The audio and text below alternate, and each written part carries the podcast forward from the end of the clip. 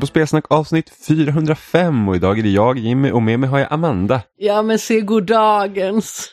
Ja, det var bara vi. Det stämmer. Jag tänkte säga fel, jag tänkte säga 504. Hoppa fram så här 100 avsnitt, men jag vet inte varför. Det bara blev så, nästan. Vi har rest in i framtiden. Ja, fast det har vi inte egentligen. Vi har rest in i dåtiden. Nej, det har vi inte heller. Ja fast det har vi ju. Hur till då? dagens avsnitt. Ska vi prata massa nostalgi. Det, vi ska prata en hel del om gamla grejer. Jag försökte Nästan. göra en praktisk segway Ja, här men det praktisk- funkar mhm, inte. Nej, precis. Det, det hade varit bra om man hade fått vara med på memot. vi skulle göra det. Jag ska skicka min flaskpost i tid nästa gång. Mm, men precis. Nej, nej, men vi har ju spelat, eh, inte en hel del den här veckan faktiskt. Det har varit lite dåligt. En halv del. Ja, en halv del. Det har varit lite dåligt på spelfronten faktiskt. Ja, det är framförallt jag som varit dålig. Jag, Igen. jag med. Men jag har spelat jättelite den senaste tiden i relation till vad jag, till vad jag brukar spela. Vad du sprutar spela.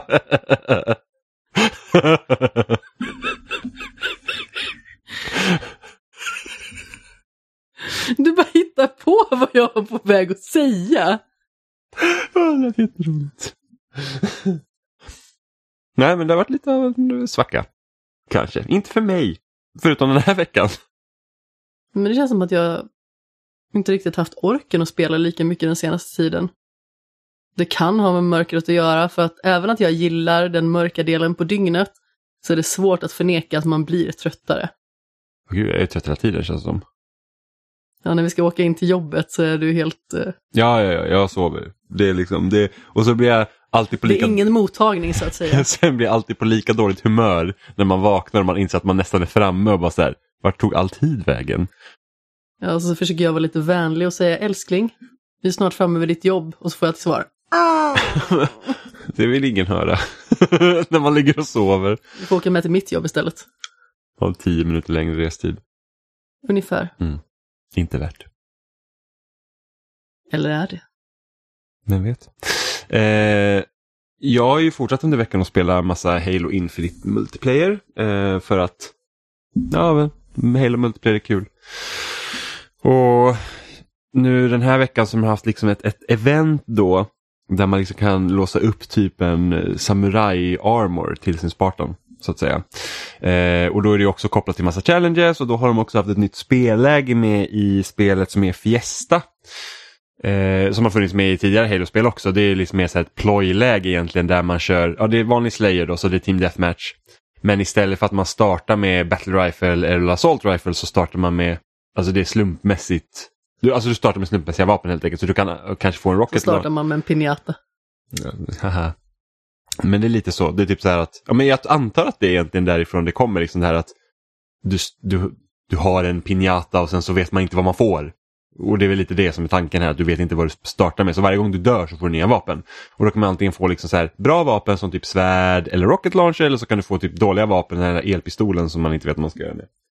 Eh, och så En kan du, fickkniv. och det är liksom, och det, det slänger ju lite hela Halo på, lite på ända med tanke på att en, en stor del varför liksom jag i alla fall har gillat liksom serien tidigare i multiplayer det är det här med att ja, men du vet att alla startar med samma liksom premisser och sen så har du power weapons på banan och, och liksom ligger inte rocket launcher där den brukar ligga och du vet att den ska ha spanat då är det kanske motståndaren som har det om inte någon i ditt lag har det. Så, så att lite den, den dynamiken försvinner lite så att det, det är liksom det är för fun så att säga.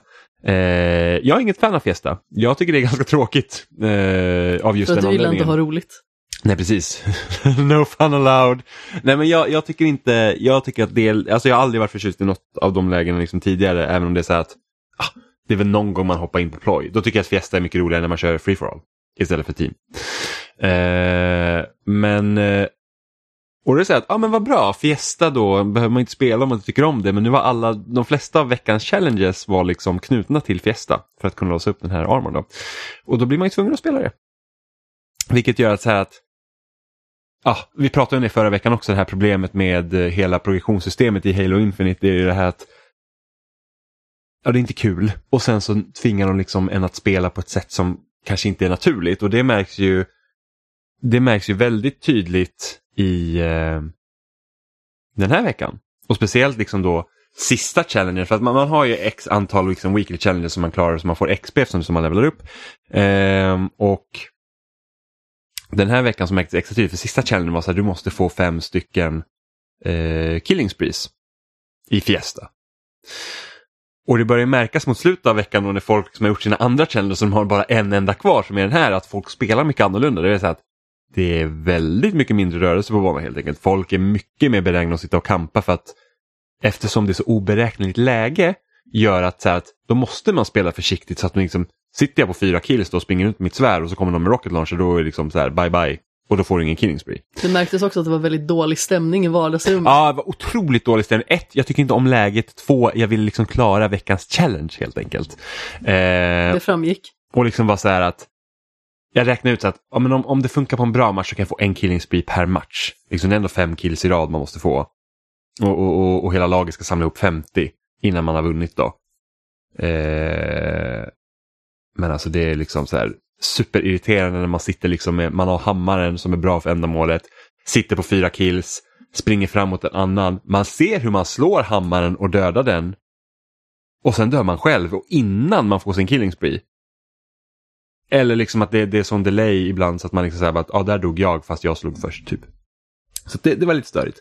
Eh, så det är liksom, det är fortfarande ett problem och jag vet liksom inte om, om nu har de ju sagt att de kommer liksom kolla över progressionssystemet och liksom ändra då liksom, och så att det liksom blir mer, så att det blir bättre helt enkelt. Eh, men samtidigt så här att Säg att om ett halvår så kanske det inte, om de nu hade fortsatt med det här systemet så kanske inte det hade varit något problem för att det är så många mer som är inne och spelar och liksom folk har liksom kanske låst upp lite grejer som de vill ha så att de kanske inte bryr sig lika mycket längre. Jag vet att jag kommer förmodligen inte bry mig om weekly challenges liksom efter ett tag för det är så här att det är för mycket. Nu har ändå jag spelat Halo Infinite majoriteten av tiden liksom jag har spelat den här veckan och det har liksom varit så här att och jag blir liksom precis i princip klar med weeklysen. Jag tror att det är på onsdag de kör en reset eller någonting sånt. Ehm, och ja, det har liksom varit mina kvällar då.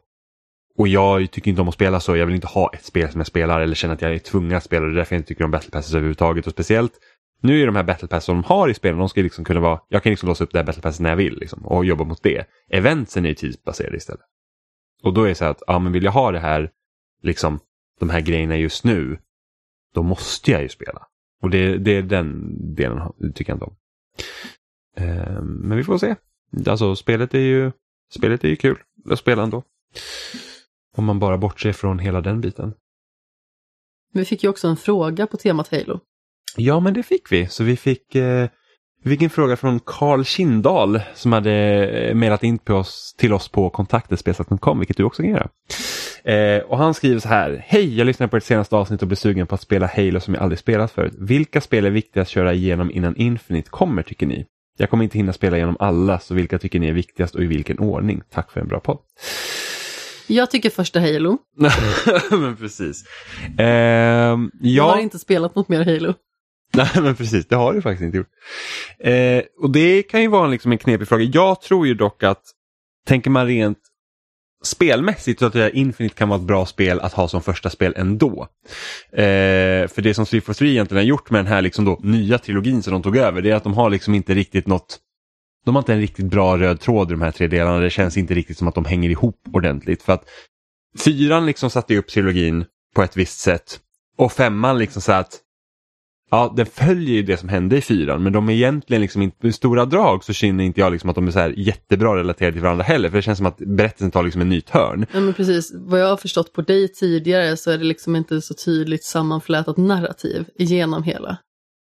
Nej men precis och det är samma nu med Infinite så känns det som att de har slängt ut vissa delar från, från femman och det gör liksom att, så att ja men vi tar den här delen men, men liksom det man trodde de byggde upp till det, liksom, det stämmer inte. Eh, så det blir så här att aha, okej, okay. men vill man liksom då bekanta sig med Halo på något sätt överhuvudtaget. Liksom man känner sig att ja, men lite liksom up to speed. Nu, är det liksom, nu kommer ju spelet nästa vecka så att det blir så att då har man jävligt bråttom även om det går. När jag recenserade Master Chief Collection så spelade jag igenom ett spel om dagen i princip. För det går att springa igenom ganska fort om man kör normal. Nu menar inte jag att man ska stressa om det första gången man kör igenom dem men liksom, det är inte jättelånga spel. Men... Men du har också spelat dem mycket innan va? Ja det har jag gjort. Nej, faktiskt inte. Jag har spelat jag hade inte spelat tvåan, hade inte jag nog spelat sedan det var nytt. Så det var, det var första gången för mig eh, på väldigt länge. Och då hade jag liksom spelat utan cutscenes. Utan jag Men du hade spelat spelen innan? Ja, ettan och trean. Och fyran. Men det finns ju, he, hela Master Chief Collection är liksom, där har du liksom 1 till 4 plus Reach plus ODST. Eh, och vill man liksom bara ha liksom någon form av pale på Halo tycker jag spela 1 till 3. Jag tyckte att mitt tips var relevant. eh, nej men jag, jag skulle säga 1 ett, ett, ett till 3 om man hinner göra det så får man liksom, för att det känns som att det är en viktig del att liksom få lite koll på Cortana och Master Chief. Liksom. Och då tror jag att Bungies trilogi är liksom det, det ganska bra sätt att börja och liksom komma in i det. Vill man dock vara med liksom mer på vad egentligen som, liksom, vad som leder upp till Infinite och då kanske det är 4 och 5 man ska spela. Bara så att man liksom har koll på vad som har hänt precis innan. Eh, dock så tycker jag att fyran blir ett sämre spel om du inte har spelat 1-3. Till exempel. För att eh, fyran bygger väldigt mycket på Master Chief och Cortanas relation mycket mer än tidigare. Och har man liksom inte riktigt koll på det från 1 till 3 då, är det liksom, då tror jag inte att det kommer slå lika bra. Sen tycker jag att Bungie spelar bättre. Um... Ja, det finns ju olika vägar att ta här naturligtvis, men känner man liksom att man kanske inte riktigt kommer hinna att instupa så mycket Halo som man vill innan Infinite kommer. Och precis som du säger, det kanske är ett bra första spel. Då kanske Infinite är den här lilla inkörningen som man behöver för att liksom ta sig igenom alla de andra spelen. Mm. Och, och, och också veta liksom ifall det är någonting som man vill fortsätta spela. Ja, men precis. Eh, men liksom, om vi ser nu att man ska ha mer tid då, förutom en vecka på sig att spela de här spelen, då ska jag ändå säga så här, spela 1 till 5. Skippa Reach ODST. För då har du liksom ändå hela Master Chief liksom sagan. Eh, eftersom Reach utspelar sig innan ettan och då spelar man inte som Master Chief och ODST är också ett sidospår där man spelar som ODSTs då som är en vad ska man säga, Spartaner är liksom den högsta militära liksom typ soldaten så är ODST under dem till exempel. Så det är inte vanliga grunts men det är liksom lite uppbuffade soldater om man säger så. Eh, jag tycker dock att alla spelar bra så att det är liksom ändå alla. Och sen finns det ju liksom så här att ta då mig som har spelat de här spelen hur många gånger som helst. Jag har inte heller full koll på allting som pågår för att de har ju liksom hur mycket olika så här crossmedia grejer som helst. Och du har ju liksom du har ju så här Forward Down to Dawn som en live action serie och sen så kom det någon annan serie precis innan Halo 5 som också inte var jättebra. Nightfall tror jag den hette och sen har du alla böcker böcker och där ser man ju verkligen på typ så här 343-spel, så både, både fyran och femman bygger ju också väldigt mycket på att man har läst böckerna. För liksom, jag tror största liksom plottgrejerna i fyran som liksom som är det övergripande narrativet som inte handlar om Master Chief Cortana. Det är liksom så här att det går ju typ en över huvudet man får typ gå in på Halopedia, så här, bara, vad är det här egentligen för att veta liksom, de olika relationerna de eh, karaktärerna har till Forerunners och vad betyder människornas eh, roll i hela universumet och vad betyder The Mantle och allting sånt. Så det är liksom en väldigt så här, onödigt invecklad historia om man vill förstå allting på en gång. Um, så det, det kan liksom, jag tror att bryr dig inte så mycket om berättelsen så om du inte hinner spela alla spel utan tänk på att liksom bara få känna på hur gameplayet är att spela. Men alltså hinner man spela bandyspel 1-3 så tror jag att man liksom är ganska på god väg att få liksom en, en bra start. Sen är min personliga favorit, alltså kampanjmässigt måste nog som säga är Halo Reach.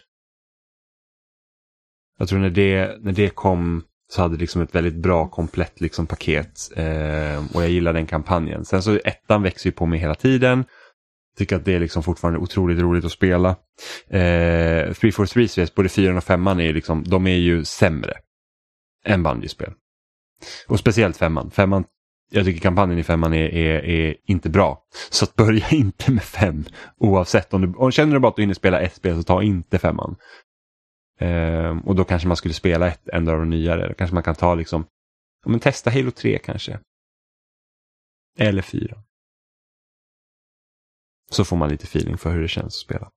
Men samtidigt så att har du en Xbox och Master Chief Collection så att Känn lite på det, känner du liksom att hoppa in i Infinite och tycker om Infinite så spela resten. För att jag ska ändå säga att alla spel är värda att spela, utom fem. Men om man nu vill ha koll på storyn så får man ju köra det, det också. Eh, sen så är liksom Halo Infinite då är liksom huvudfienden är The Banish och de dyker upp i Halo Wars 2. Som är liksom ett strategispel. Och då är det så att så måste du spela Halo Wars 2 för att förstå det. Vem vet, men det är liksom, jag ska inte säga att det är nödvändigt. Men jag ska ändå, så här, hinner man spela tre spel så ska jag hoppa in i Bungies spel först. Och det bästa är att spela alla. Jag hoppas det är svar på frågan.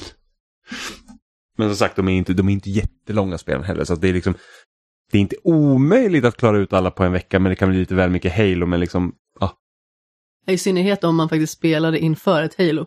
Ja, ja men precis. Så att eh, känn lite på dem, hoppa in i någon bana. Sen så finns det ganska kul liksom så att i Halo Master Chief Collection så finns det också så här playlist som, som remixar alla spel. Så att du liksom kan köra typ, ja ah, men här är alla fordonsbanor. Om du bara vill känna på det och inte bryr dig om storyn så kan du liksom få lite av varje. Men en grej som är väldigt skön när man spelar en spelserie rakt igenom det är att man liksom verkligen har pli på det. Vi spelade ju Gear-serien mm. rakt igenom alla spel. Vi spelar Ratchet Clank-spelen, alla spel i huvudberättelsen. Mm.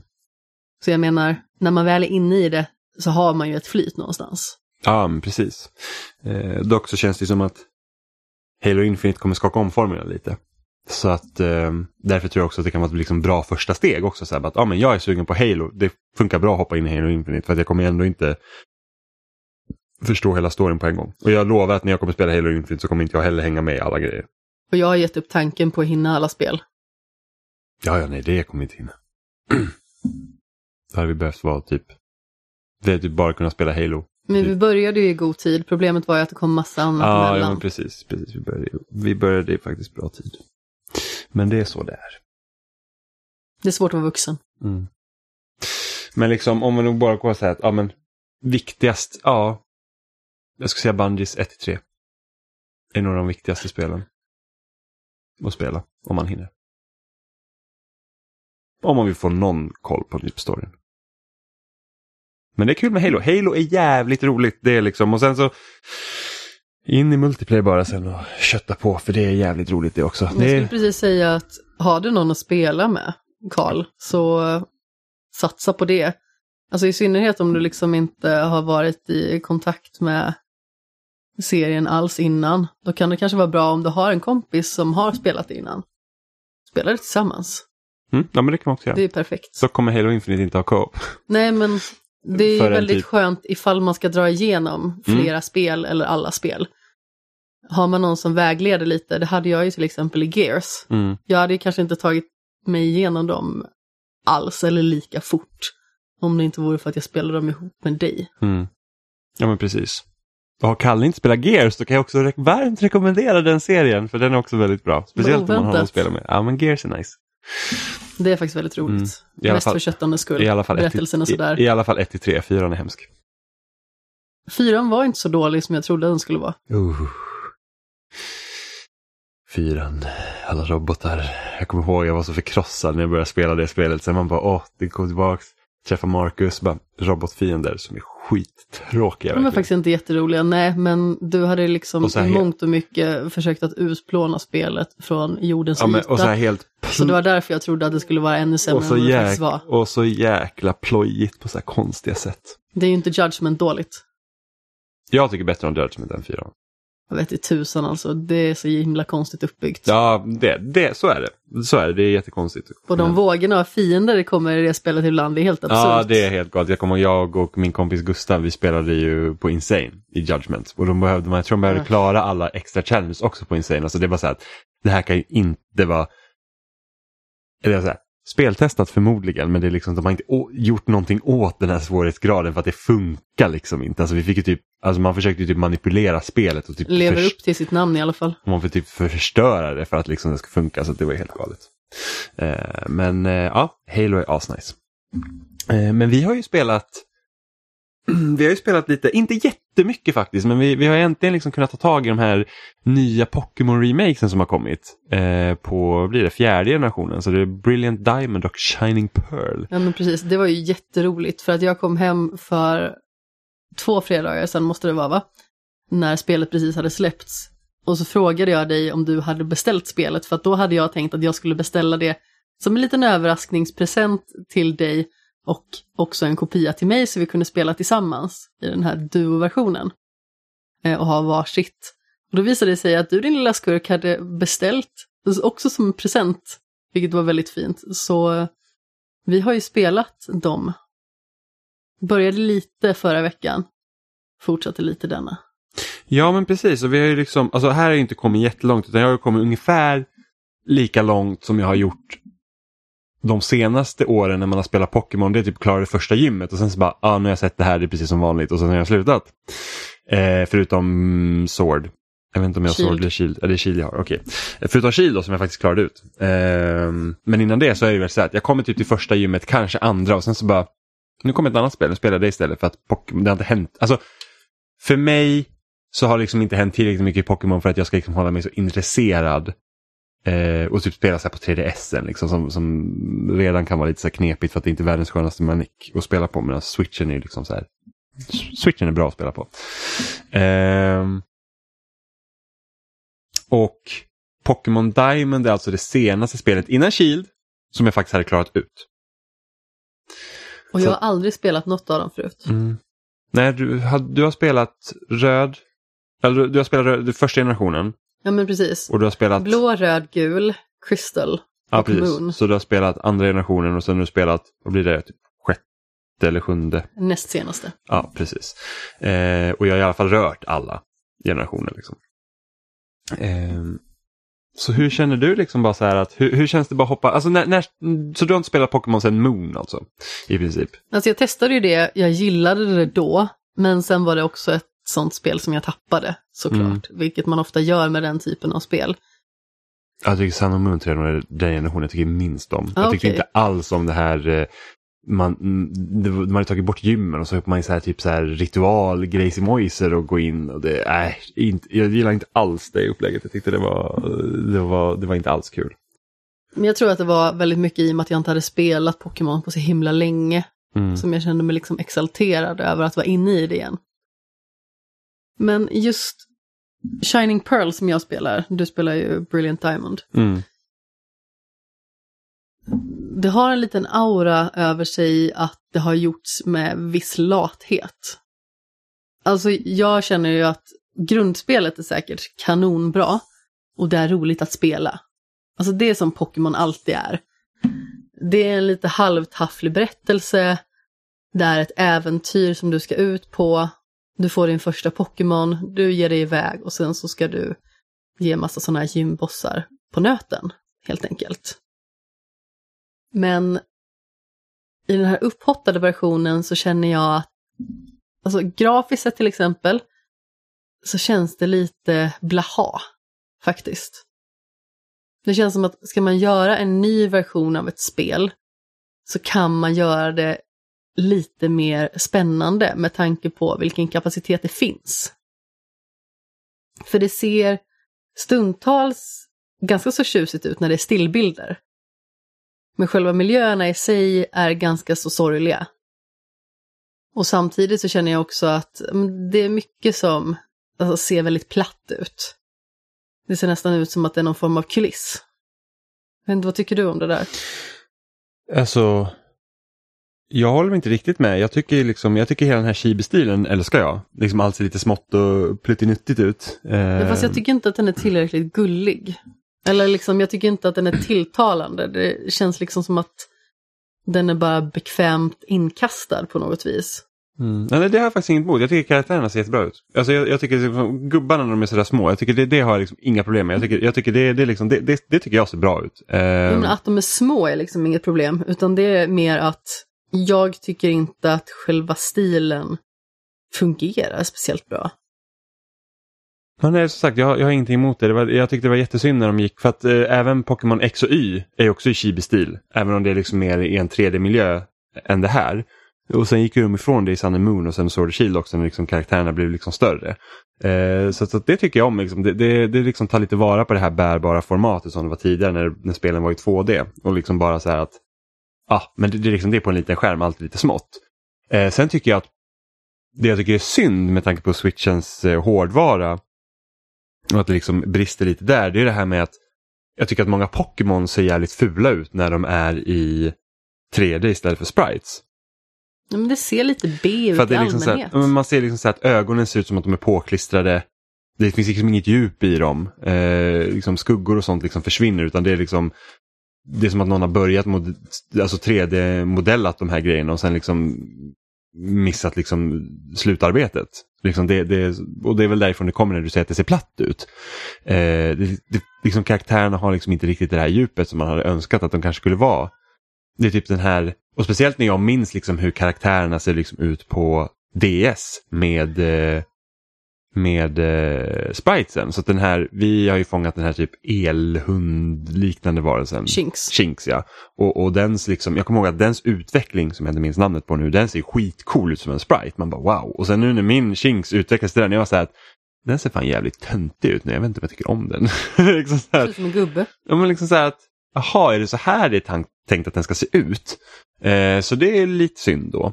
Ehm, men annars så, överlag så känner jag liksom så att hur de har utvecklat 3D-spelen så känner inte jag att det är liksom så här, det är inte den här stora utvecklingen jag skulle vilja ha. Så jag faktiskt välkomnar till att det faktiskt känns som ett äldre 2D-spel av Pokémon. Liksom att man, man springer runt där, man ser top-down, du har de här fyra liksom olika directions du kan gå. Det är inte som att du kan gå snett upp till höger utan det är så att du upp, ner, vänster, höger. Det är liksom de riktningar man har. Själva formulan har jag Ja. absolut inga problem med. Jag tycker att det är väldigt skönt.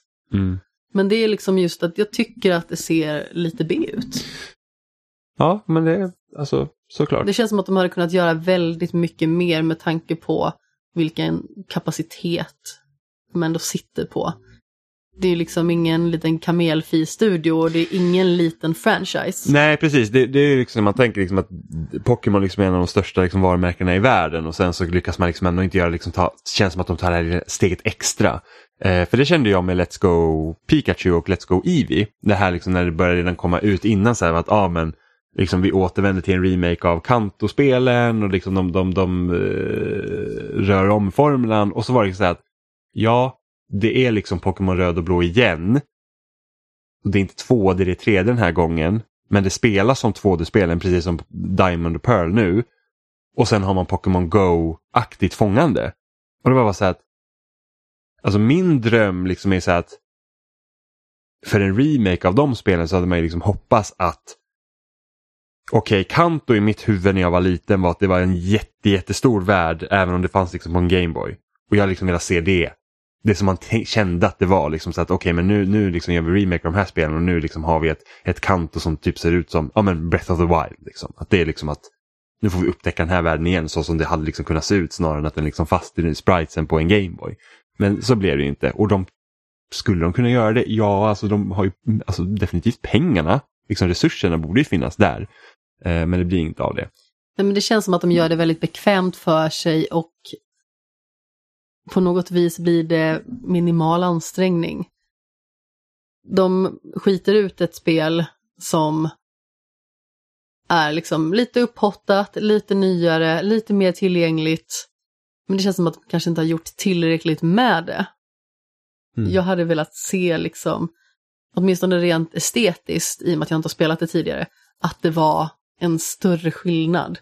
Liksom att det ser ut som att det har lagts ner tid och energi och kärlek i spelet. Som jag spelar och som vi har betalat pengar för. Liksom. Så jag hade ju någonstans önskat liksom att om, om, om man gjorde ett så här 2D liksom Pokémon som det här är, liksom förutom då att det är 3D-modeller, är det att man har liksom tagit då um, så som artworken såg ut i röd och blå och guld och silver liksom. Och sen så att ja, men vi gör det väldigt så här, stilistiskt, typ som ja, men Link's Awakening. Det ser liksom inte ut som bara ett ja, här är Link's Awakening från Gameboy fast nu är det i 3D, utan det hade ju en väldigt tydlig säregen stil. Eh, jag hade önskat att man vågade göra så med Pokémon också. Sen så kommer ju också det här problemet med att de har ju så jäkla många monster. Så jag vet inte hur många det finns nu i Brilliant Diamond och Shining Pearl om det om de lånar några Pokémon från senare generationer eller om det liksom det tar stopp vid generation 4 då. Eh, och då vi säger vi ska ändå snacka om då kanske över 400 monster. Och det, jag tror det är det, det som tar tid, att göra de modellerna. Och jag tror att de har lånat de här, typ, så att de börjar ju redan göra typ högupplösta modeller med Pokémon Go som de kan låna till olika spel. Men liksom, jag tror att det där är liksom det svårigheten med att de har så många monster att man kan liksom inte där tror jag att liksom kan äta resurser då, att vi kan inte göra typ som att varje monster har liksom unika animationer vilket också bidrar till att liksom det kan bli lite billigare då för att helt enkelt för att spara tid. Ja, men samtidigt är det så här. De vill att vi ska köpa deras spel. Som är samma spel men modernare. Då känns det ändå som att det minsta de kan göra är att lägga ner energi på det. Sen så kanske de har gjort det, men det märks inte. Jo, men för jag tror att det var ju grejen också med Sword och Shield varför folk som sa att varför finns inte alla Pokémon med till exempel och varför eh, ser det fortfarande ut så fult när de attackerar och det är bara så att men alltså, det är 700 monster, vi liksom Alltså det är inte säkert att kons alltså, konsolen har tillräckligt mycket liksom, kapacitet ens för att kunna ha så mycket grejer. Liksom, Men alltså, då är det ju bättre att minimera och göra det man har mycket mer intressant och välgjort. Alltså nu menar jag kanske inte just i Pearl och eh, Diamonds nya versioner, utan då menar jag kanske i nya spel. Ja, men det är också frågan hur, hur mycket monster kapar man och när det redan blir ramaskri över att det inte fanns ett helt Pokédex i Sword and Shield. Så jag, jag tror att liksom alltså det är en svår situation. Det är en balansgång de får gå. Sen så vill jag ju, alltså jag önskar ju fortfarande att serien ska utvecklas mer. Men det här, nu är det ju remake så det är liksom en annan grej. Men jag tror att, och en del av kritiken har också funnits att det är precis som 2D-spelen. För jag tror att remakesen till Ruby and Sapphire som är generation 3 då. De var ju mer gjorda i samma stil som typ Sun and Moon och eh, X och Y. Så att där, liksom, det, där var ju inte samma 2D-värld igen utan då, hade de liksom, då var det liksom mer 3D-miljöer och sånt. Um, så att det är liksom, jag undrar vad anledningen var till att de, de valde att göra det som ett 2D-spel igen. Snarare än att säga att, ja ah, men vi, för de som har växt upp med Diamond and Pearl, de kanske skulle vilja liksom se det så här att, ja men nu får man se det som en 3D-karta, liksom, att det är liksom mer utforskande. Ja men precis. För den som inte har spelat det så gör det ju ingenting att det är 2D. Jag gillar 2D, jag tycker Nej, det är jättemysigt. Jag tycker också att det är 2D för att det är bara att jag föredrar 2D-spelen framför 3D. För jag tycker att det, det de har gjort i 3D-spelen, det är liksom inte, jag tycker inte det liksom är tillräckligt för att det ska vara så att, ah, men nu kör vi 3D istället för att upplägget är ändå för snarlikt. Då är det så här, men då kan det lika bra vara i 2D för då ser det liksom, jag tycker det ser trevligare ut. Jag tycker det är det här... som jag sagt, jag hade jättegärna velat eh, ha ett Pokémon i typ en Nino Kuni-värld. Att det skulle se ut så. Ja, ja men precis. Jag, ja, som sagt, jag skulle vilja ha typ Pokémon Breath of the Wild. Bara för att där, och det är vi också, ja, pratat, också. Och där har vi pratat om podden så mycket som möjligt. Men jag tror att första avsnittet av Pokémon-animen eh, visar så tydligt för hur det kunde vara. Liksom, det är när Ash går mot slutet och ser en Ho-Oh i horisonten. Liksom den känslan skulle jag vilja ha. Liksom så att jag är ute med, med min avatar och går liksom, och sen så bara i horisonten och ser jävlar där är någonting jag inte känner igen. Dit vill jag gå. Det var ju samma sak och det, det var ju liksom den här känslan lyckades med i Breath of the Wild. Det var så att rätt som det var så började så här, stora drakar komma liksom på kartan. Så här. Det var en stor liksom, ringlande typ orm i skyn och man var så här vad fan är det där? Det här har inte jag sett tidigare. Och så börjar man liksom gå dit för att jag vill ta reda på vad det är för någonting. Och, och det borde, känner jag liksom att Pokémon borde ha. Det här liksom att jag ser ett monster där borta som är stort som jag aldrig har sett förut. Jag vill veta mer. Det är liksom den känslan jag skulle vilja komma åt. Och det, det, får, det får jag inte riktigt liksom med, med det här spelet. För att det är liksom, formatet är ju inte det. Um... Alltså nu känner jag att jag har neggat väldigt mycket på det här spelet. Alltså det är fortfarande jätteroligt att spela.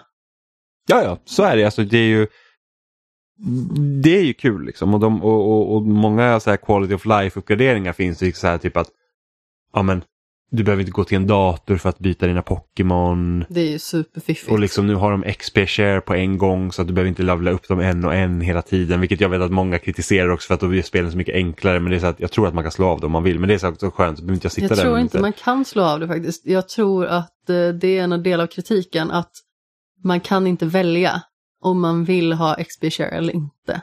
Ja, Okej, okay. jag vet att jag tror att man kunde typ göra det i Sword Shield och sådana grejer. Men då, då har de kanske tagit bort det. Det är lite synd då för de som vill ha liksom mer utmaning. För att det gör ju också att det är väldigt mycket enklare.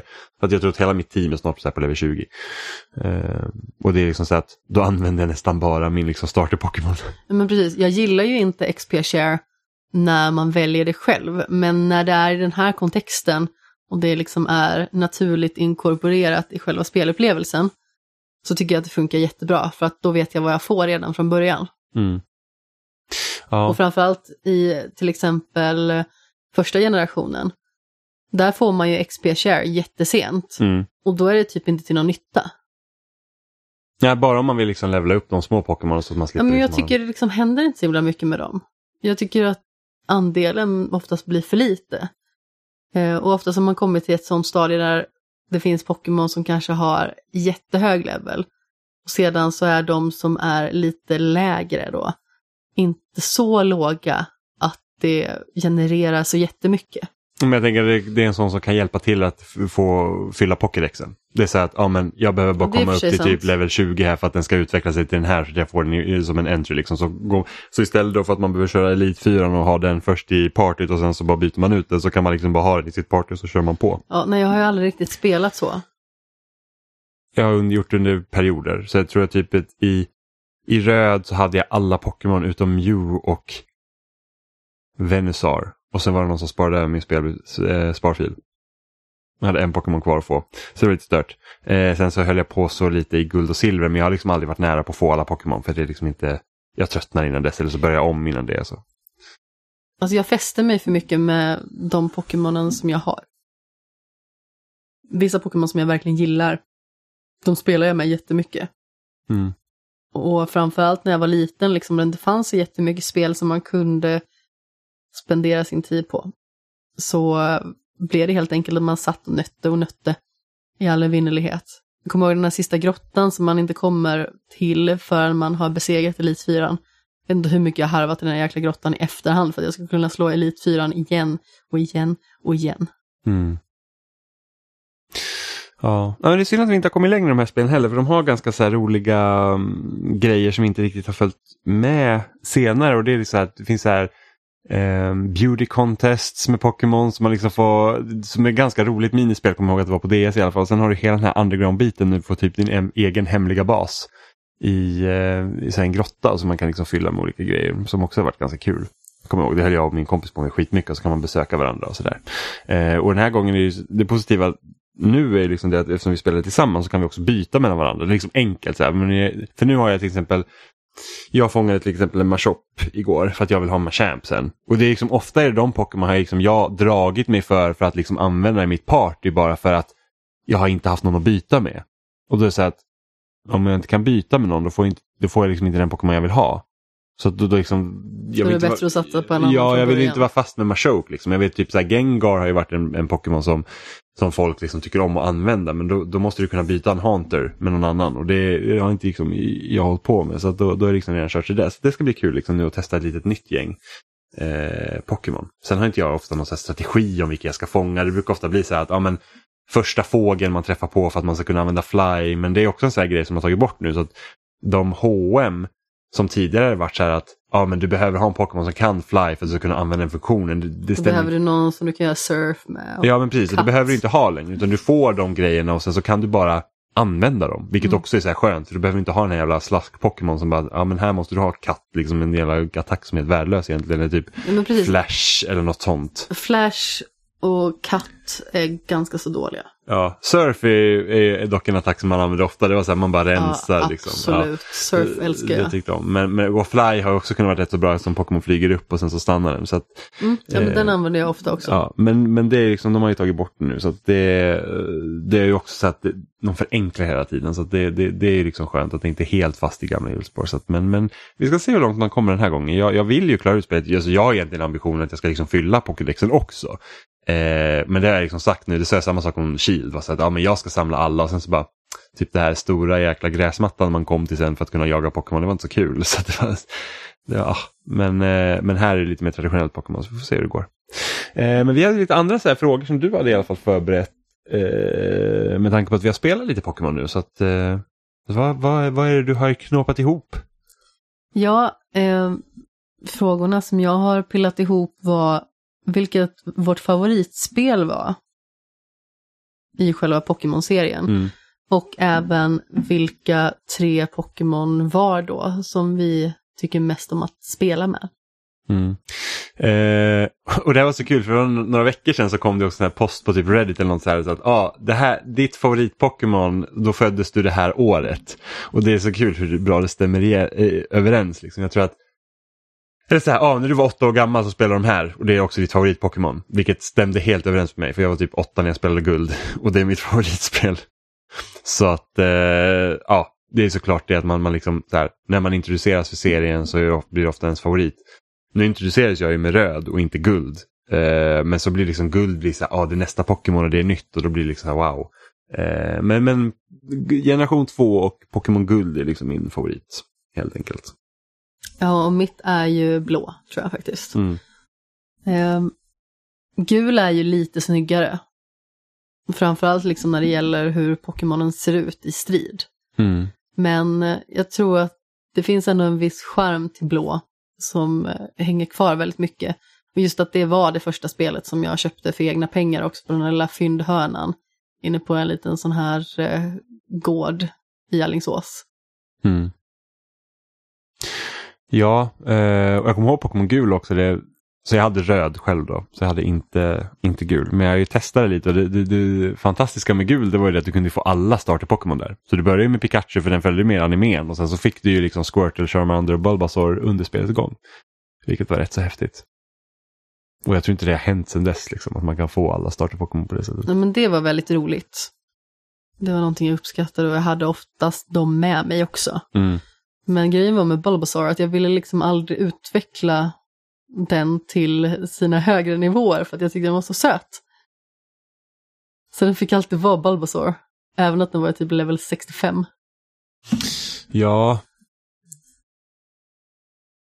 Jag, eh, jag tycker oftast första liksom, versionen av Pokémon är finare än de i slutskedet. Jag tycker, jag tycker som Squirtle är min favorit-Pokémon så jag tycker den är mycket bättre än Blastoise. Men samtidigt så att jag känner att de måste utvecklas annars är de inte lika kraftfulla. Det är väl sant i och för sig. Men sen kör inte jag med gräs-Pokémon heller så Bulbasaur är redan körd där. Så att, eh, ja. Jag tror jag hade någon så här, försökte någon gång köra med så här Bellsprout som sen till slut blev Victory Bell. Och det var ju liksom bara så här att, nej. Inte. Jag tyckte oftast att uh, Bulbasaur hade någonting att tillföra. Mm. Värdelöshet. Nej, det var jättebra. ja, nej, som sagt jag har aldrig, jag har aldrig varit förtjust i gräs-Pokémon. Vatten-Pokémon, det är liksom, that's my thing. Ja, men det är min melodi också. Mm. Det är liksom, jag vet inte, vatt, vatten alltid liksom funkar bra. Även, även mot de Pokémon som man inte är lika effektiva mot har ändå funkat. Liksom man bara, här, surf.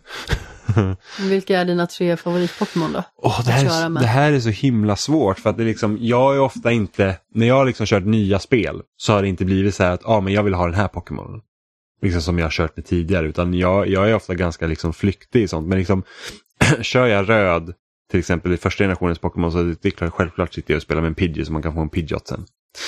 Eh, till slut. Men, men annars har jag liksom inte riktigt jag har inte riktigt någon så här att av varje ny generation så hoppas jag att jag kan spela sån här Pokémon för den är min favorit. Utan va varje ny, ny del i serien så blir det alltså att nu börjar de från noll igen och så kör man. Och sen så brukar jag ofta ha liksom så här att ja men vattenstarten som jag alltid börjar med den kommer jag alltid ha kvar i slutet. Men liksom, om jag måste ändå välja så här typ att som jag minns här att ah, men de här Pokémon de har gjort en insats för mig. Sen alltså, jag tror ändå så här, Feraligator som är den tredje utvecklingen av Totodile som är starter Pokémon i Pokémon Guld.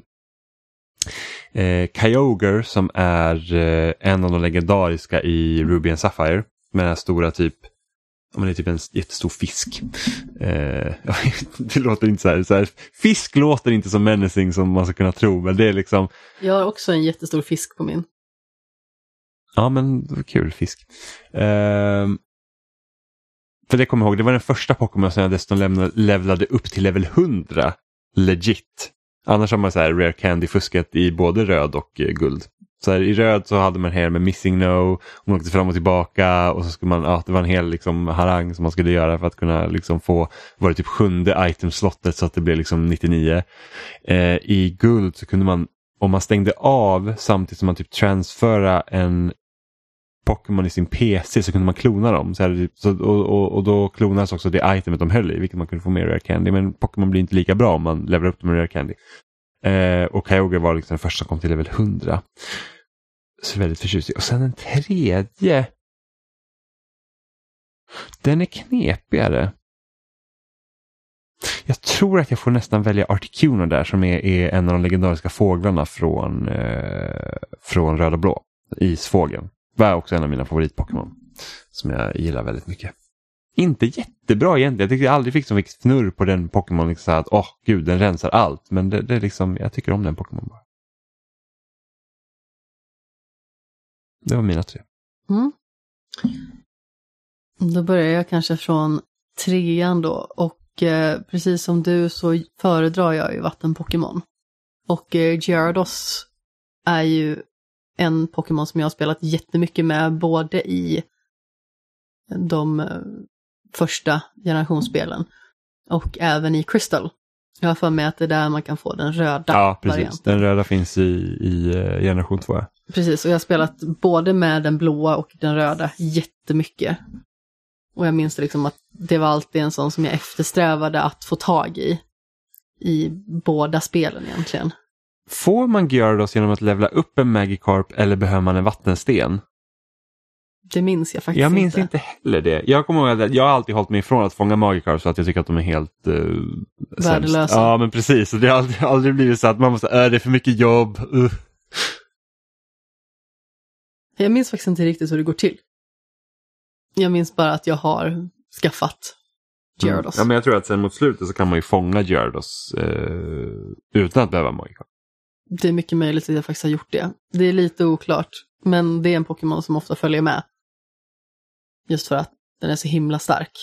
Och sen brukar man ofta ge den Hyper Beam, Mm. vilket är en extremt farlig attack. Mm. Det vet man, man fruktade alltid det när man kom till Elit 4. De Pokémon som hade den attacken. Mm. Jag tror att typ en, en av de mest irriterande grejerna det är i Pokémon Guld. Och så är det något gym där en gymledare har en Pokémon som heter Miltank som har attacken Rollout. Och den är helt hemsk. Alltså den har slagit ut mitt team så himla många gånger. Hårt liv. Mm. Min andra Pokémon är Sandshrew. Jaha. Det är en Pokémon som eh, när jag spelar den första generationen ofta är en som jag fångar först. Ofta så brukar det bli att man har liksom sin start-Pokémon, vilken det nu än är. För jag har testat alla i flera olika konstellationer naturligtvis. Och, eh, naturligtvis så finns ju Pikachu också i eh, en version. Men eh, jag var alltid så besviken på att man inte kunde få Eevee. Superbesviken på det. Det kommer vi till sen. Men Kunde du inte få Eevee i... Jo men alltså som start-Pokémon. Ja, just det. Ja, För man får ju alltid Pikachu. Ja i Pokémon Gul ja. Mm, Mm. Exakt. Precis. Ehm, nej men så oavsett där så brukar det vara en sån Pokémon som jag skaffar väldigt tidigt efter min start och efter en fågel som typ alltid är Pidgey. Mm. Ja men Pidgey känns så här obligatoriskt måste man ha för att du ska kunna ha någon som använder Fly sen. Mm. Men jag älskade Sandshrews, alltså så här slash-attacker och sånt. Mm. Och att eh, den kunde använda digg. Och att det faktiskt var en väldigt bra attack. Så jag gillade den Pokémonen väldigt mycket, plus att det ser ut som en söt metallkatt i stort sett. Så det var därför den var liksom så här, Metallkatt. den lite så, en guldig katt. Sentry är väl ett bältdjur? Ja, men det ser ut som en katt. Lite. Jag kan inte se det. Strunt samma. Det var väldigt sällan i alla fall som jag ville att Sandshrew skulle utvecklas till Sandslash, precis Mm. som med Bulbasaur, i och med att jag tyckte att den var så oförnekligt söt. Och även den, den blev liksom jättehög i level och jag vägrade alltid att låta den utvecklas. Så jag kände mig lite som ett as. Så men att varje gång din den Pokémon gick upp i en level så behövde du alltså trycka på B så att den Ja. inte utvecklade sig. Det stämmer. Kunde man inte, undrar om inte det finns ett item man kunde ge sen till dem alltså att... Att de inte skulle utvecklas. Precis. Jag har för mig det, men det kan vara i senare spel. Ja men det är nog i... Om inte, jag tror att Pokémon kunde hålla, hålla i jag grejer tror att det var i Crystal. Ja, som eh, Men i röd och jag bekantade mig med det. Ja. Men apropå det här med Eevee i alla fall, så eh, den Pokémon som jag älskar mest att köra med, det är Vaporeon. ja. Den bästa vattenpokémonen, den bästa Pokémonen, den finaste Pokémonen. Jag har ju testat naturligtvis att utveckla Eevee till alla de andra varianterna, men de är inte lika häftiga som Vaporeon. Ja, jag gillar den generation 2s eh, utvecklingar av Eevee som Nej, är Espeon och Umbreon. Umbreon, ja. Jag tycker de är skitcoola. Även om jag aldrig Alltså, de har är liksom riktigt kört med någon. men de är inte lika häftiga som Vaporeon.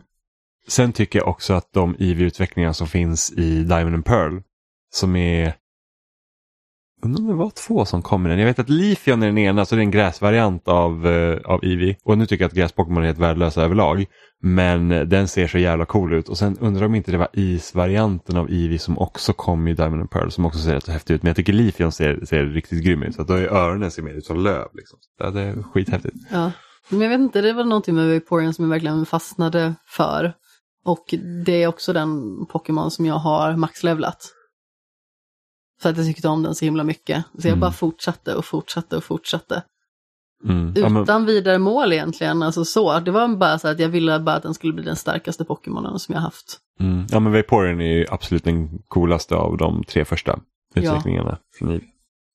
Det håller jag definitivt Den med är om. också så extremt söt. Alltså jag är väldigt svag för söt. Mm. Men det är också så här, är den söt och cool på samma gång, då vinner den väldigt mycket.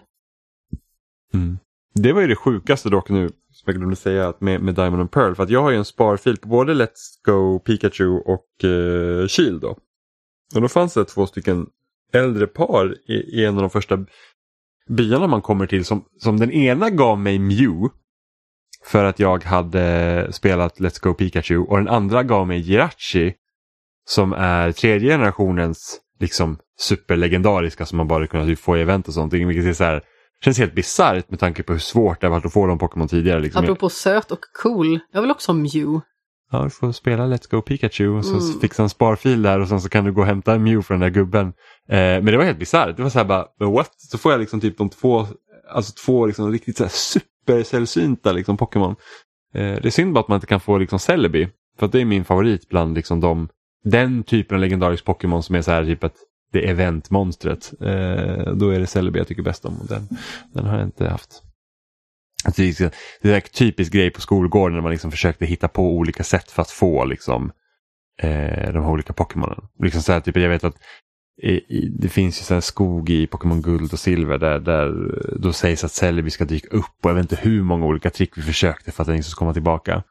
Det är samma med Mew. Liksom. Så att, ja, men du behöver en Pokémon som kan surf innan du har gått på SSN och så kan du liksom åka ner här och in till den här bilen och där ska Mew finnas och det stämde ju såklart inte men det är ja, massa sådana grejer. Gud, jag kommer ihåg när man stötte på Entei den första gången i Crystal. Mm. Heter det va? Ja, Entei. Ja. Ja, Entei, Raikou och Suicune. Ja, men just Entei, jag kommer ihåg det så himla väl. Man höll ju på att knäcka i brallan liksom för att Mm. det var så himla häftigt. Så jävla irriterande att jaga dem. Liksom när de syns på raden och så kommer man dit och så hoppas man liksom att man ska möta någon. Och man så bara, ah. Det hade ju varit skitcoolt då om vi hade fått ett Pokémon som jag hade velat haft. Och där man liksom kan se NT och man bara, oh men nu måste vi liksom jaga honom. Ja men precis. Det var ju samma sak i Rubius. Follow that Pokémon. Ja men precis, det var samma sak i och Sapphire. Då hade du ju eh, Latias och Latios. Som gjorde exakt samma sak. Också skitstörigt. Ja. Nej men det, jag, jag har faktiskt ganska höga förhoppningar på eh, det Pokémon som kommer i eh, januari, där, Pokémon Legends. Arceus. Mm, precis, jag hoppas att det kan kännas som en riktigt frisk fläkt. Men dock så är det, det här är också problemet för mig liksom, när det kommer till att de testar olika saker i spin-offs. Det är det här att jag vill ju ha hela den här Pokémon-upplevelsen, liksom att man ska få gym och man ska liksom klara Elitfyran och allt det där. Liksom, traditionella Pokémon-upplevelsen fast liksom omstöpt i liksom en öppen värld och liksom Pokémon är som monster ute. Du vill egentligen liksom- ha ditt favorit-Pokémon-spel omformat till den perfekta versionen av det spelet. Ja men precis, det är liksom det, det, är liksom jag vill ha. Så att, och det här Pokémon Legends, jag vet, nu vet inte, Pokémon Guld möter Breath of the Wild. ja men typ. Eh, Och Glad byxa. Ja men precis, och nu vet inte jag Pokémon Legends hur det kommer vara, liksom, hur kommer man fånga Pokémon, hur ska man slåss eh, och så. Men eh, liksom... Det Man petar liksom, på dem en pinne. Så blir de lite Precis, sura. Hallå. Eh, det är det jag skulle vilja ha så att, och, det är det som är förmodligen svårt att få då. Men eh, det ska ändå bli kul att, att se liksom så att hmm, vad har de hittat på? Och det kan liksom båda gott inför nästa stora Pokémon. Liksom, vad, vad kommer efter Sword and Shield? Eh, men samtidigt så att ah, det, liksom, det behöver inte betyda någonting heller. Men precis, i och med att det är en avknoppning så kanske de faktiskt vågar ta ett lite större steg i nästa Ja, man får del. hoppas. Sen så hoppas man att det kommer till en starkare switch också så att det, spelet inte behöver se ut som skit. Det hade varit en bonus också. Ja, det ser lite skruttigt ut faktiskt. Ja, och så hade du en till grej som du tyckte att vi skulle diskutera. Ja, men det kom upp lite i våran kompischatt tidigare. När man pratade om så här gamla märkliga spel som man spelade när man var liten, framförallt på PC. Och eh, då gick funderingen hos mig, vilket spel från barndomen hade du velat se i ett liksom uppiffat Mm. version? Mm. Så, vilket Eller spel, i en uppiffad version, jag kan tydligen inte prata heller idag. mm. så vilket spel hade du velat se? Men nu frågade jag dig. Ja, jag vet, men jag måste fundera det fortfarande lite. Ja, det var ju synd. För jag tänkte att du hade redan en idé. Ja, alltså. Det finns ju massa sådana här superkonstiga spel som man spelade när man var liten. Till exempel de här Hugo-spelen hade varit ganska roliga att se vad de skulle kunna göra med det idag, alltså ett plattformsspel. Eller liksom hur de hade kunnat ta den här barndesignen och adaptera den till ett spel från ja, 2020 liksom och framåt. Mm. Men jag tror ändå jag landade lite grann på att jag hade velat se en ny version av eh, Fortress of Fear. Vad är det? Jag har aldrig hört talas om. Gameboy-spel. Det är ju den här serien eh, Wizards and Warriors heter den va? Jag har ingen aning, jag har inte hört talas om det. Okej, Jag kanske, om jag hade fått se en bild från Wizards and Warriors så kanske jag hade sett det, så bara, aha, var det det det hette? Men jag har faktiskt ja, ingen nej, aning. man ska i alla fall ta sig in i en borg och besegra den, äh, besegra den onde Malkil. Som inget, jag kallade honom när han var liten. ingenting ringer en klocka för mig här. Förmodligen uttalades absolut inte så, men eh, det var skurken i alla fall som man skulle ta sig till. Jag klarade aldrig det här spelet för att det var svinsvårt och äckligt. Mm. Jag kommer ihåg att det var också så här vidrig fallskada alltid. Eh, Det är rätt opolitligt, men jag kämpade så himla hårt med att försöka klara det här spelet. Och så fanns det liksom olika nivåer naturligtvis och besvärliga fiender som var så här dödskallar och fladdermöss och sådär. Så var det liksom så här fantastikinspirerat. Mm. Men det var liksom så otroligt svårt och framförallt när man var så sju år gammal. Jag fick det av min bror faktiskt, för jag fick ju hans så här gamla sten Gameboy. Ja. Sån som väger typ ett ton. ja, den här gråa med Precis. grön skärm. Ja, jag fick, Ja, min syrra hade sönder min. ja okej. Hon hällde kola på den. Eller hon hade mer, de, de ska åka och rida till sjön. Eller de åkte och red, de, de red till sjön och så hade hon med sig min Gameboy och så hade kolaflaskan gått sönder i väskan och så hade den runnit ut på min Det var inte det att hon la upp den på ett bord och så hällde kola. Ja, hon hade lika bra kunnat göra det för det kändes djupt in i hjärtat. jag Men sen, sen fick vi varsin Gameboy Pocket efter det. Ja, men jag fick eh, Fortress of Fear, tennis, jag tror det var något så här Amazing Spider-Man-spel eller någonting sånt till Gameboy. Eh, Metroid 2. Det kan ha varit någonting mer också. Jag är lite osäker, men det var liksom en lite spännande och annorlunda samling av Gameboy-spel som jag fick eh, testa på där. Just eh, Fortress of Fear spelade jag väldigt mycket Mm. men det var också ett spel som man verkligen behövde nöta för att alltså det är en sån djuprotad spelnemesis, verkligen. Och det var så himla bisarrt för att eh, det var en som streamade spelet när de besökte Spelhjälpen. Och då var det liksom Alltså det gick som en dans genom det här spelet. Det gick så pass lätt. Sen var det vissa objekt som man trodde var vissa saker som man bara, ja ah, men den här grejen. Jag hade aldrig fattat det när jag var liten så min hjärna typ exploderar ju över att det var något helt annat. Mm. Man hittar ju på väldigt mycket som barn. Mm.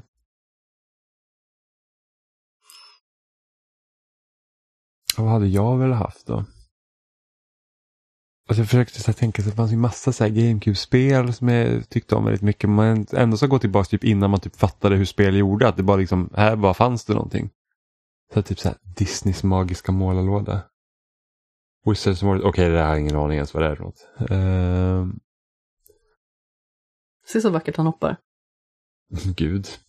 Mm, ja, men alltså, jag hade nog kunnat tänka mig så här modern version av Backpack hade varit ganska kul.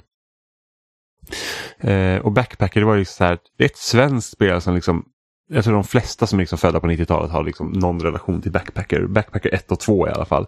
Eh, Jag har faktiskt kom. inte spelat det. Ah, Du hade säkert, du hade säkert tyckt det var skitkul. Jag vet, inte, jag vet inte hur det är idag och jag kan tänka att mycket av liksom den trivia som man måste gå igenom är liksom föråldrad. Men det var liksom så att man, man var ju då en backpacker och så reste man liksom runt i världen och så handlade det liksom om att man skulle, när man kommer liksom till ett nytt ställe så ska man liksom skaffa jobb och så ska man liksom klara, så får man liksom, det är som en frågesport. Så får man liksom massa frågor typ som ofta är relaterade till den staden eller det landet man är i. Olika utmaningar. Precis och sen i slutet så brukar det ofta komma liksom det sista liksom testet och sen får man liksom ett jobbcertifikat. Så det handlar liksom om att man ska samla de här jobbcertifikaten och så tror jag att man fick pengar och så får man liksom betala för att ja, men nu reser man till det här landet så måste ha viss pengar. Liksom. Och där, och där fanns det liksom så här att hur mycket som helst. Jag, typ max så här, jag kommer ihåg att jaktlicensen var typ det lättaste man skulle få. Så fick man skjuta typ så här renar och hjort eller något så här, typ rådjur. Det är ju faktiskt eh, en svensk spelstudio från Alingsås som har gjort en mobilversion av Backpacker som släpptes för några år sedan. Mm, jag vet inte hur det är liksom alls. Men alltså det är väl helt okej. Okay. Jag spelar inte så himla mycket. Naturligtvis för att jag inte spelar så himla mycket på mobiltelefon. Mm. Men jag tror att det var ganska så poppis ändå. Eh, vi hade med dem på Spelhjälpen också i och med att jag känner en som jobbar på studion. Mm. Och jag tror ju det, definitivt att, liksom, att Backpacker hade säkert passat jättebra liksom, för mobil eh, version. Men jag tänker att man hade kunnat typ blanda ihop Backpacker lite med eh, 80 Days. Som också är så här skitbra spel som också liksom eh, det är inte riktigt backpacker att du liksom åker runt och svarar på frågor men det är det här att du ska liksom resa runt och jorden på 80 dagar. Eh, och så är det typ en steampunk-version av liksom världen helt enkelt. Bara för att det ska funka så att det måste finnas en förbindelse mm, från Afrika liksom till resten av världen som liksom inte bara är liksom båttrafik som man säger så. Snarare än på mobiltelefon hade jag nog föredragit ett nytt backpacker på Switch faktiskt. Ja, men precis, det hade funkat. Jag tror att det hade fungerat väldigt väl för att den typen av spel tycker jag gör sig väldigt bra i formatet. Det är liksom så här du kan plocka upp det några minuter här och där och bara pilla runt lite och det tycker jag är väldigt härligt. Det är samma sak med Pokémon nu. Man behöver liksom inte sitta och spela i fler, flera timmars sessioner utan det är liksom möjligt att plocka upp det en kvart och sen så är man nöjd för stunden. Mm. Så det är väldigt skönt tycker jag att uh, ha den typen av spel och mm. kanske men, ha ett spel som uh, byter av de spelen som kanske är i främsta rummet då på den konsol som man föredrar att spela mest på, vilket i, min, i mitt fall är Playstation 5. Mm.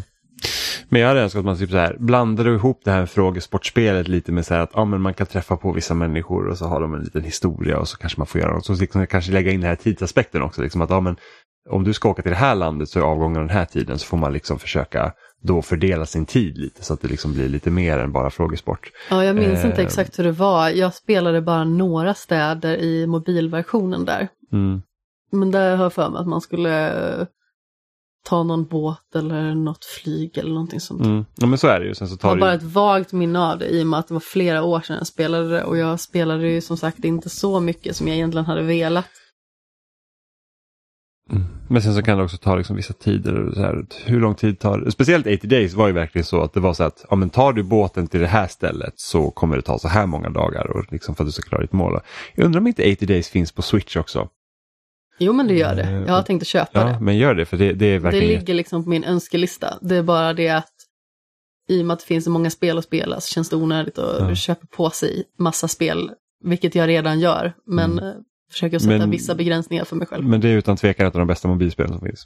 Alltså det är liksom den studion, Inkel Studios, de gör ju liksom spel Alltså det är typ de och Simogo som liksom gör de bästa mobilspelen tycker jag. Eh, som jag har spelat. Nu är, nu är ju Simogo, vet jag inte om de får de utveckla för nästa spel men de liksom alla deras mobilspel har varit jättebra. Eh. Ja, Simogo har gjort ett av mina favoritspel. Mm. Sayonara Wild Hearts. Precis.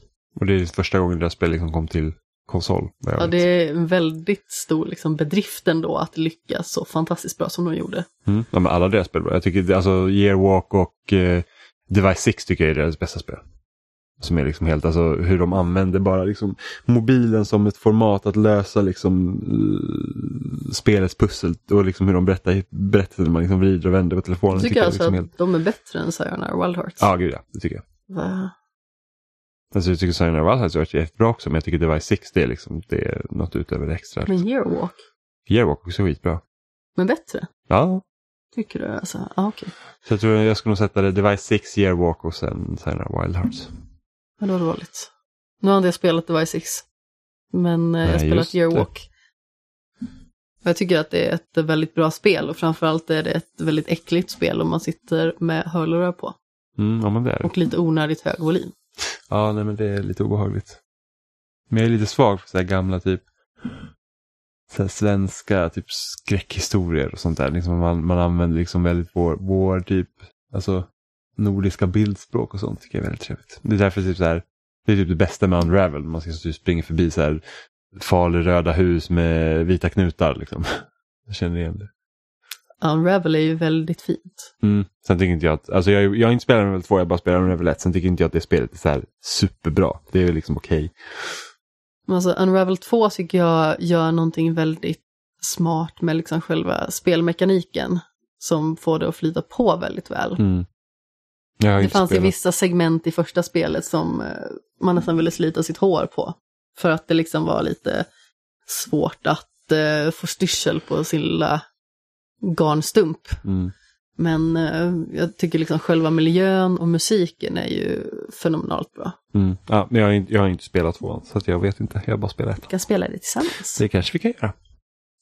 Eh, men jag tror att det var all, allt vi hade för den här veckan. Eh, det blir ett lite kortare avsnitt då för att vi har inte hunnit spela så mycket. Eh, så får vi se vad vi hunnit spela till nästa vecka. Jag hade tänkt att starta Guardians men jag vågar inte lova någonting. Nej, nej, vi får se. Jag vi får se vad som händer helt enkelt. Det blir, jag vill ändå spela mer Halo. Det är nya challenges den här veckan. Kan få fortsätta vara irriterad över Battle Passet. Samtidigt som man spelar Halo. Döda tio stycken i rad, tio gånger. Men så att jag har inga problem till så här att, ja men alltså det hade inte varit något problem med eh, de här challenges när man ska få liksom en killstreak om det hade varit på vilket läge som helst. Problemet blir att det måste vara i Fiesta som liksom inte passar läget tycker jag. Och speciellt när det beror på liksom vilka vapen man får och så. Så att eh, ja, det, det är som det är helt enkelt.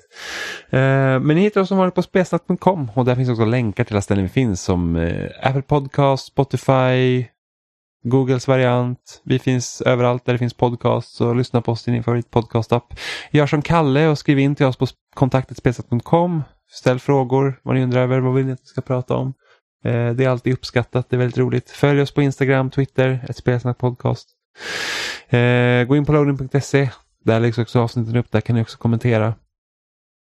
Vi finns också på Youtube. Där ni också kan kolla eller ja, lyssna på våra avsnitt. Det är mesta där. Lyssna. Vi har de gamla Let's Plays och sånt. Eh, Man kan ju också kolla på våran stream där i efterhand. I Ja, alla men- fall många timmar av. Ja men precis. Nästan alla timmar av vår livestream vi hade när vi firade 10 år finns också på Youtube så kan se hur... 12 och 15 timmar. Ja, någonting sånt. Det var så jäkla tråkigt att de sista timmarna försvann på grund av att Youtube inte kan arkivera mer än vad det är 12 timmar. Och det är så här att hmm, det hade varit bra att veta det innan. Eh, men som tur är så ska vi också ha en ny stream den 18 december klockan 12 eh, börjar vi. Och då, Den är bara 10 timmar. Precis, så kör vi 12 till 10. Alltså 12 på dagen till 10 på kvällen. Eh, och där kommer vi spela igenom lite spel som vi tycker om som har släppts i år då. Så det blir lite som en årskrönikegrej. Eh, så tio spel på tio timmar hoppas vi att vi ska kunna klämma in då. Eh, så då är det jättekul om ni skulle vilja titta på oss igen och då är det eh, på Youtube då. Eh, slash spelsnack podcast. Tror jag det är. eh, Så då hoppas ni är med oss. Eh, ja, men det var allt vi hade för den här veckan. Så... Och nästa vecka kommer vi prata om allas favoritämne. Fall Guys. Ja just det, vi har en ny säsong av Fall Guys börjar. så Hurra! Vi ju prata lite om det igen. Eh, Mot men, level 50. Precis, men tills dess så hörs vi igen nästa vecka. Hej då! Puss i ömsken.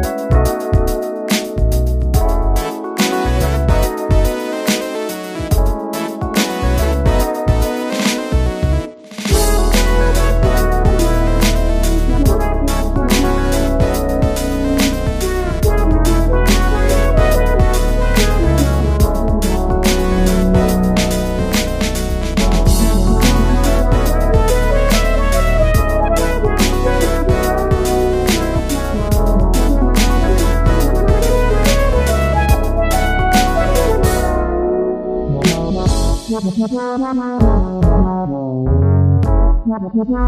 you.